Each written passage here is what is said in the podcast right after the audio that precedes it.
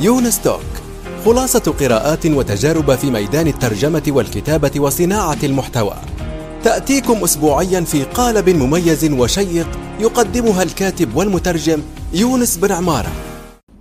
السلام عليكم ورحمة الله وبركاته. في هذه الحلقة ستكون فردية يعني أنا فقط يونس بن عمارة سوف أتحدث فيها عن رأيي عن الأخبار التي بدأت تروج حول إدخال آه، مادة التفكير النقدي في بعض مناهج الدول العربية.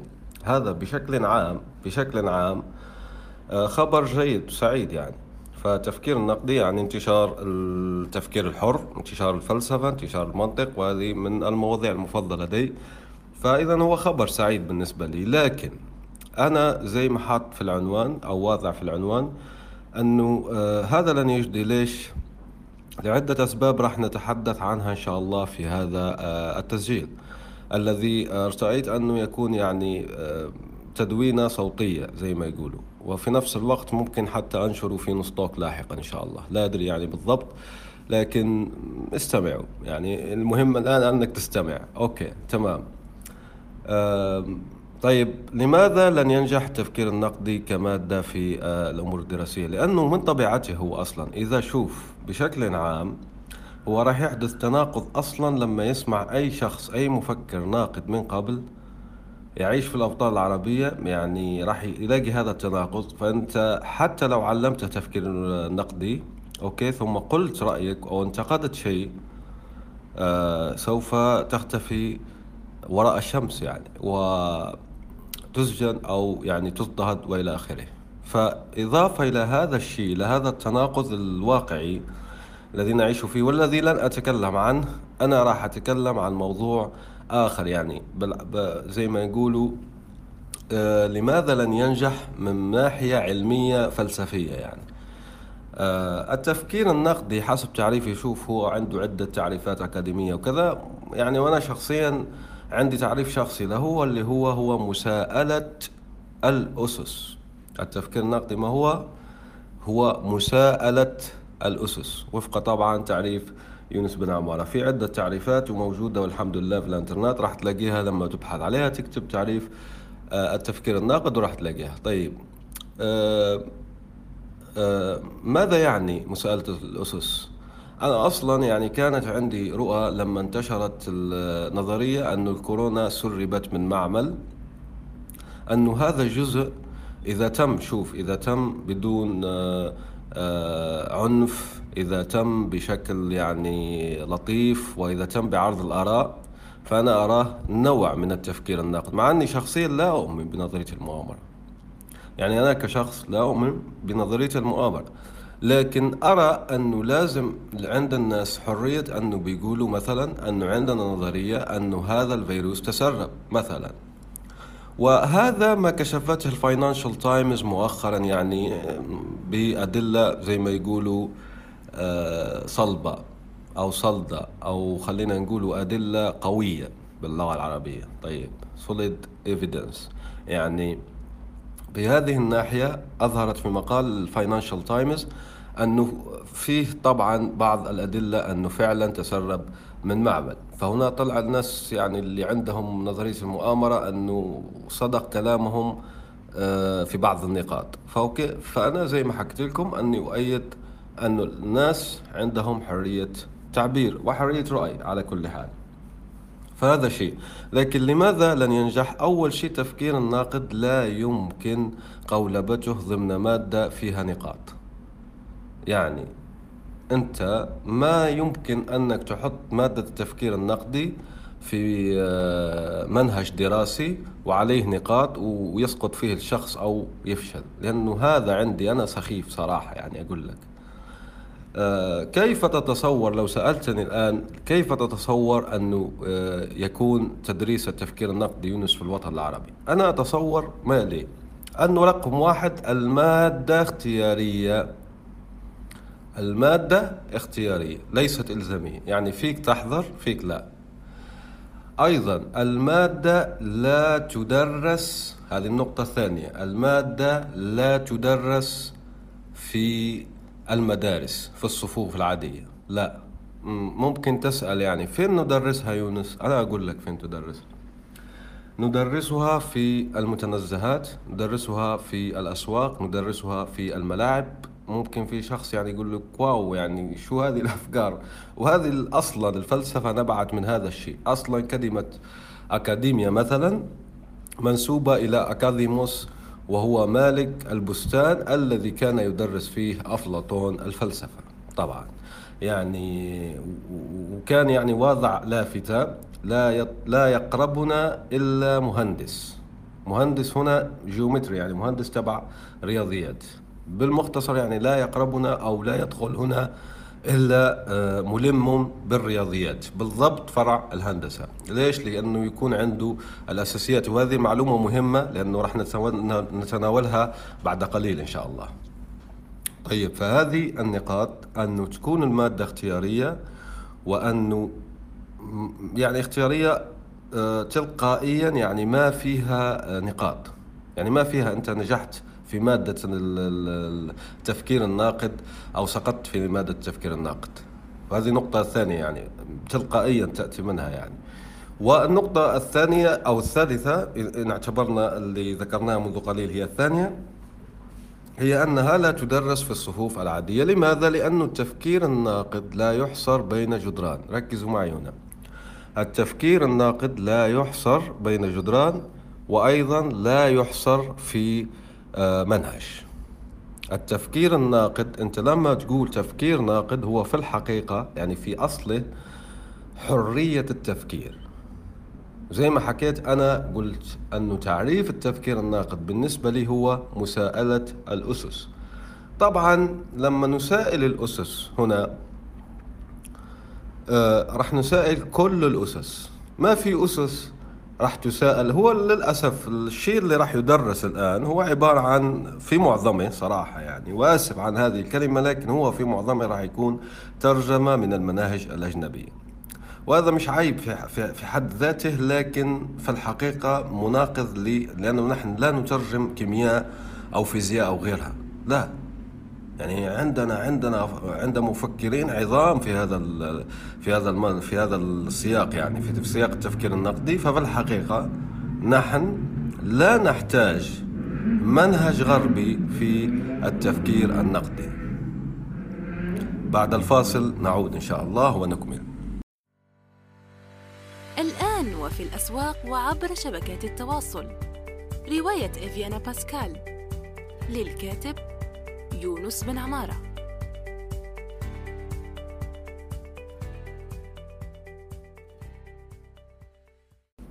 طيب عدنا. إذا كيف أتصور تدريس التفكير الناقد؟ لأنه شيء مهم طبعا. أنا لا أدعو أن أن نتخلى عن التفكير الناقد بل لا أرى له جدوى أنه يدخل كمنهاج في المدارس. فلنفرض مثلا أنه آه، أول شيء من يدرسه؟ أنا أقترح أنه يدرسه هو من ينطبق عليه آه، وصف المفكر الحر. وأيضا التدريس يكون بدون مقابل. يعني نحن لما بنجيب مفكر حر طبعا راح راح تسأل آه، من هم المفكرين الأحرار؟ طبعا. يعني هذا سؤال آه، حقيقي لكن لحد الآن لم أضع معايير لهذا المفكر الحر. لكن لازم مفكر حر ولا يكون مش شرط يكون معلم قد يكون معلم لكن مش شرط. وأيضا الحصة التي يقدمها تكون بدون آه، بدون أجر. ابدا. يعني ما في أجر. ليش؟ لكي لا تكون هناك تضارب في المصالح. فيجتمع بالتلاميذ مثلا اللي فقط قالوا نريد تعلم التفكير النقدي. قد تسأل هنا لماذا التفكير النقدي عندك يا يونس؟ آه، اختياري وليس آه، إجباري. السؤال مهم آه، لكن يعني الإجابة عليه هي كالتالي. أنه هذا الشيء هو أول درس في التفكير الناقد وهو أنك إنسان كائن حي لديك حرية حرية إرادة. طبعا أه تحب تناقش يعني عندنا ولا ما عندنا حرية إرادة؟ موضوع آخر. لكن هو في الحقيقة أنت حر. فطيب فيك أنك تحضر أه جلسة أو حصة التفكير النقدي فيك أنك ما تحضر ولا تدخل ضمن حساب النقاط. فهذا فهذه يعني أول درس هو وجود التفكير الناقد بحد ذاته في حياة الناس وأنه شيء اختياري بد الناس تحذر تحذر ما تحذر ما تحذر. فلنتخيل مثلا أنه شخص غير مدفوع الأجر التقى بمجموعة من التلاميذ في متنزه وقال له تمام يا شباب نحن راح ندرس الآن موضوع التفكير الناقد. أه وتقول لنا أنت يونس ما في منهج إذا كيف يدرس؟ هنا ما في تدريس في الحقيقة. لأنه أصلا لما بيقول هنا أنا أنا أتصور يعني في في تصوري للتفكير الناقد كيف يتم بطريقة صحيحة هو أنه آه، بيقول المدرس وهو في الحقيقة منظم هنا بيقول مالي أهلا بكم مرحبا أيها التلاميذ أيها التلميذات شكرا لكم آه، للحضور. سوف نحاول في هذه الحصة نحاول. مهم الألفاظ مهمة. سوف نحاول معا معا مش أنا أجيب لا. سوف نحاول ما في تلقين هنا. سوف نحاول معا الإجابة عن الأسئلة التي تثير فضولكم. سوف نحاول معا وسوف نأخذ أكبر عدد ممكن من الأسئلة. فالذي عنده سؤال أيا كان فليتفضل. يعني هذا تصوري لكيف يكون التفكير الناقد. السيد عبارة يعني المعلم هنا معلم يعني اصطلاحا فقط نسميه معلم لكن هو في الحقيقة منظم يطرح التلميذ يعني سؤال ونجيب عليه. فمثلا قادر واحد يقول مثلا لماذا نظرية التطور صحيحة؟ مثلا. أو ما هي أوجه الإعجاز القرآني؟ مثلا. أو آه، لماذا الرياضيات صحيحة أو لماذا واحد زائد واحد يساوي اثنين مثلا؟ أو آه، هل هناك هندسة غير إقليدس؟ ولماذا هناك أعداد خيالية مثلا؟ فهذه كلها تكون هناك نقاش. النقاش يحاول الإجابة على السؤال ولا يلقن الإجابة. ولهذا نعيد مرة أخرى أن موضوع النقاط وتنقيط يعني الإجابات هو في الحقيقة شيء تلقيني آخر ولا يمت للتفكير الناقد بأي صلة. فهذا تصوري بشكل عام للتفكير الناقد ولهذا لن يصلح قولبته ضمن منهج دراسي عادي. يعني هو ليس مادة عادية ضمن المواد الأخرى لكي تدرسه يعني وتدخلها في المنظومة التعليمية بكل بساطة. الشق الثاني يعني من هذا التسجيل الذي سوف نتحدث على عدة أمور لازم الشخص المفكر الحر بيكون عنده لما آه، يريد يعني تقديم حصة في التفكير الناقد. من بينها أنه أنا لاحظت كثير جدا من الناس الذين يقربون أو يبسطون آه، العلوم أنهم لا يتحدثون كثيرا عن شيء اسمه المسلمات. وتدعى أحيانا الأكسيومات أكسيومز. فهذا أيضا عنده علاقة كبيرة بالتفكير الناقد.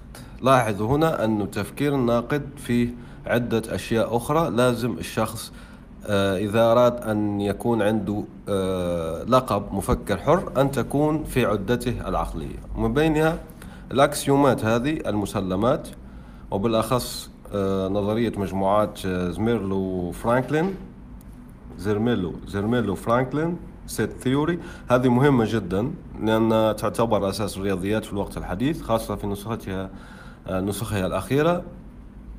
وأيضا آه، الإبستمولوجيا علم المعرفة. هذا مهم جدا. هذا من العلمين مهمين. ليش؟ آه، لأنه يعني بيسائلوا الأسس. لأن زي ما حكيت في أول التسجيل أنه ما هو التفكير الناقد هو مساءلة الأسس. فطيب. هنا مثلا آه، نرجع لموضوع مهم جدا وهو الجدل آه، الذي يثور حول آه، العلم والدين. فزي ما نعرفوا أنه كثير جدا من الناس يرون أن هذا المجالان متناقضان أو يعني لا يقبلان بعضهما وأنه وفيه يعني فكرة أن العلم لا يقوم إلا بدليل وأن الدين عبارة عن قبول. وهذا خطأ أصلا يعني. هذا أي شخص يعني درس ولو قليلا من الدين ولو قليلا من العلم راح يشوف خطأ. أنه الدين فعلا هو عنده أصول اسمها أصول الفقه ولا يقبل الأشياء إلا بدليل. يعني أصلا الفقهاء جمعوا مجلدات ضخمة كبيرة جدا حول موضوع أدلة مثلا المالكية أدلة الحنفية أدلة كذا. هم يقبلون الأمور بدليل لكن الأسس فعلا لا يسائلونها. نفس الشيء مع العلم. العلم لا يختلف عن الدين في الأسس. ركز معي هنا موضوع الأسس لا يختلف العلم مع الدين وهذا ما يغفل عنه كثير جدا من الناس الذين يعني يحاولون تبسيط العلم وأنه شيء لا يقبل إلا بدليل. هو في الحقيقة لو نحفر في أساسات العلم راح نلاقوه أنه يقبل أشياء بدون دليل وليس شيء واحد. ومن بينها هذه زي ما حكينا مسلمات آه، زيرملو فرانكلين في نظرية المجموعات. فالرياضيات لما يعني حدث تطور كبير جدا في القرن التاسع عشر فيها من بينها يعني نظرية المجموعات اللي ساهم في وضعها آه، رياضياتي اسمه كانتور. ثم حدثت مفارقة قدمها راسل. فلما حدثت مفارقة يعني قدم مفارقة اسمها مفارقة مجموعة كل المجموعات. فهنا يعني حدثت أزمة تسمى أزمة بالفعل يعني في الرياضيات. حدثت أزمة أنه ما عندنا أسس نستند إليها. فهنا خرجت هذه المجموعة من المسلمات. مجموعة مسلمات مثلا ما الذي يدعنا نقول أن واحد زائد واحد يساوي اثنين؟ يمكن إثباتها استنادا إلى مسلمات زيرملو فرانكل زي ما حكينا. لأنه زيرملو فرانكل أصلا يعرف التساوي ما هو. ما هو التساوي في الرياضيات؟ فهنا هذه مسلمة فيقول لك إذا عندك مجموعتين كل مجموعة فيها عناصر إذا أنت أخذت من من عنصر من مجموعة ألف وعنصر من مجموعة باء. يعني تخيل هنا للتقريب كيسين.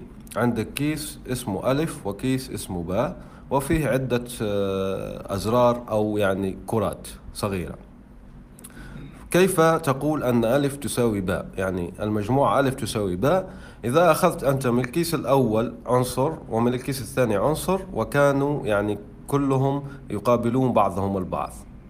فهنا نقول أن المجموعة ألف تساوي المجموعة باء. هذه المسلمة بحد ذاتها يعني لو لو عملنا جلسة تفكير ناقد وقال طفل يعني ضمن تلك الجلسة التي الافتراضية التي قلناها وقال مثلا وما دليل آه، مسلمة التساوي هذه؟ يعني ما دليلكم على أن التساوي هو التقابل؟ يعني أنه يقابل كل عنصر عنصر من الفئة الثانية. يعني الفئة الف تقابل عنصر الفئة الثانية لكي نقول أن الفئتين أو المجموعتين يعني آه، متساويتين. ما دليلكم على ذلك؟ لا يوجد دليل. هذا يعني من العلم. لا يوجد دليل في العلم. نقبل ذلك. ليش؟ لأنها من مسلمات. زيرملو فرانكل زي ما قلنا والتي تعرف اختصارا بال ZFC. وهي عبارة عن عدة مسلمات تقبل بدون برهان. ليش؟ لأنه إذا لم تقبلها بدون برهان ينهدم العلم. فهذه المسألة مهمة جدا وأنا زي ما حكيت آه، غفل عنها كثير من مقربي العلوم. الآن وفي الأسواق وعبر شبكات التواصل. رواية إفيانا باسكال للكاتب يونس بن عمارة.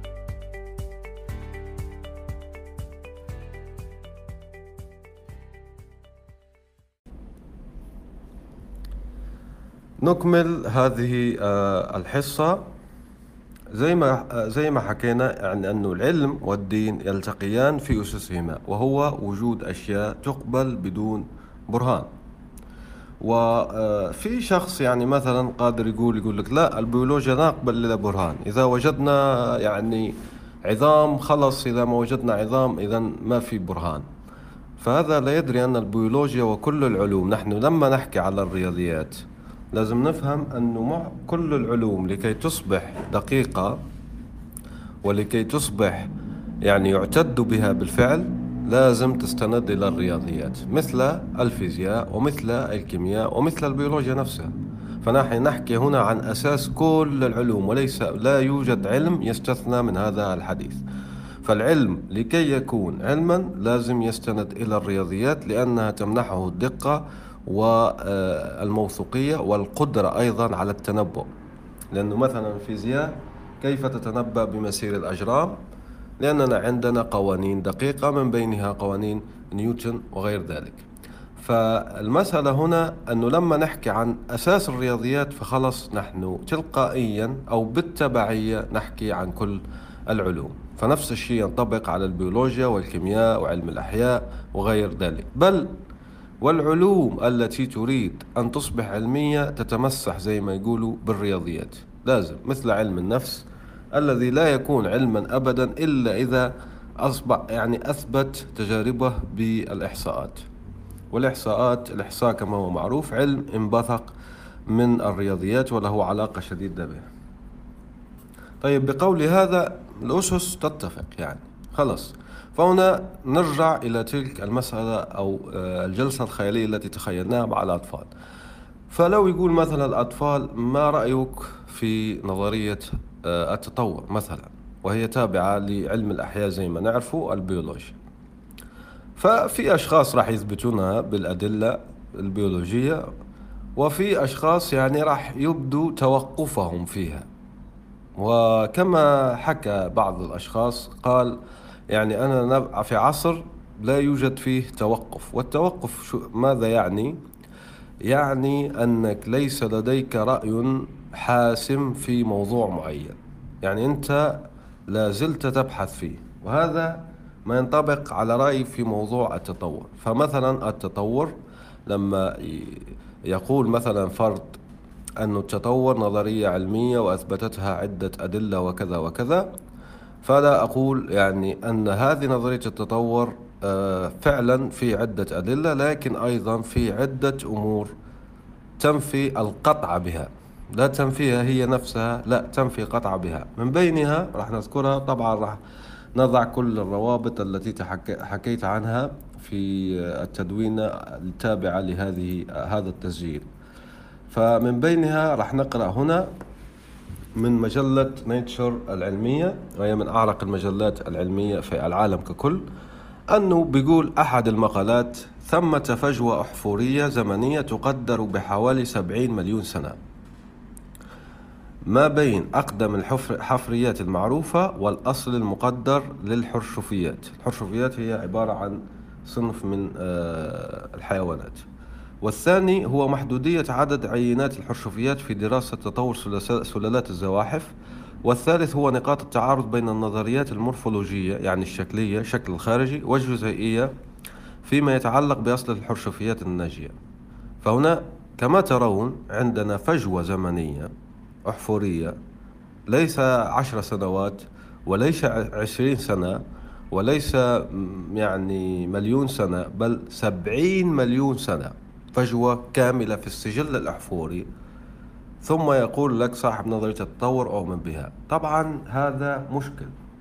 هذا لا هذا من الأشياء اللي يخليني لا أنقذ نظرية التطور لكن في نفس الوقت لا أؤمن بها لوجود عدة ثغرات من بين هذه الثغرة التي أثبتناها بالدليل. فهنا أنا متوقف فيها. طبعا زي ما حكينا في آه، عدة أشياء أخرى. المسألة هنا أني حبيت أشير إلى هذه النقاط أنه التفكير النقدي هو مسألة الأسس ولماذا لن ينجح في الوطن العربي عدة أسباب من بينها التناقض مع الواقع. لا يمكنك يعني لا يمكنك تدريس تفكير نقدي في واقع يناقضه كليا. وأيضا السبب الثاني هو أن التفكير الناقد لا يمكن أن يدرس لأن طبيعته ضد التدريس ضد القولبة. ولهذا أتوقع أن التفكير الناقد في الأخير لن يكون إلا قولبة للتلاميذ ولن يجدي نفعا وسوف يعمل ضد ما وضع لأجله. يعني التفكير الناقد إذا درسناه في المدارس بهذا الشكل راح ينتج آه، أشخاص يفكرون في الحقيقة تفكير نقد آه، نمطي ولن يفكروا قط تفكيرا نقديا أبدا. لأن هذا التفكير هو عبارة عن مادة أخرى لازم ينجحوا فيها لكي يأتوا بشهادة ويتوظفون ويوافقون معايير المجتمع والدولة التي آه، يعيشون فيها. أرجو أن أكون يعني قد أفدتكم ببعض المعلومات. راح أضع كل الروابط التي تحدثت عنها هنا وأنا سعيد أن كل شخص يناقشني ويخالفني في الرأي. فهذا هو أصلا تفكير الناقد يعني. فياريت لو تنقدوا هذا التسجيل وشكرا لكم مرة أخرى والسلام.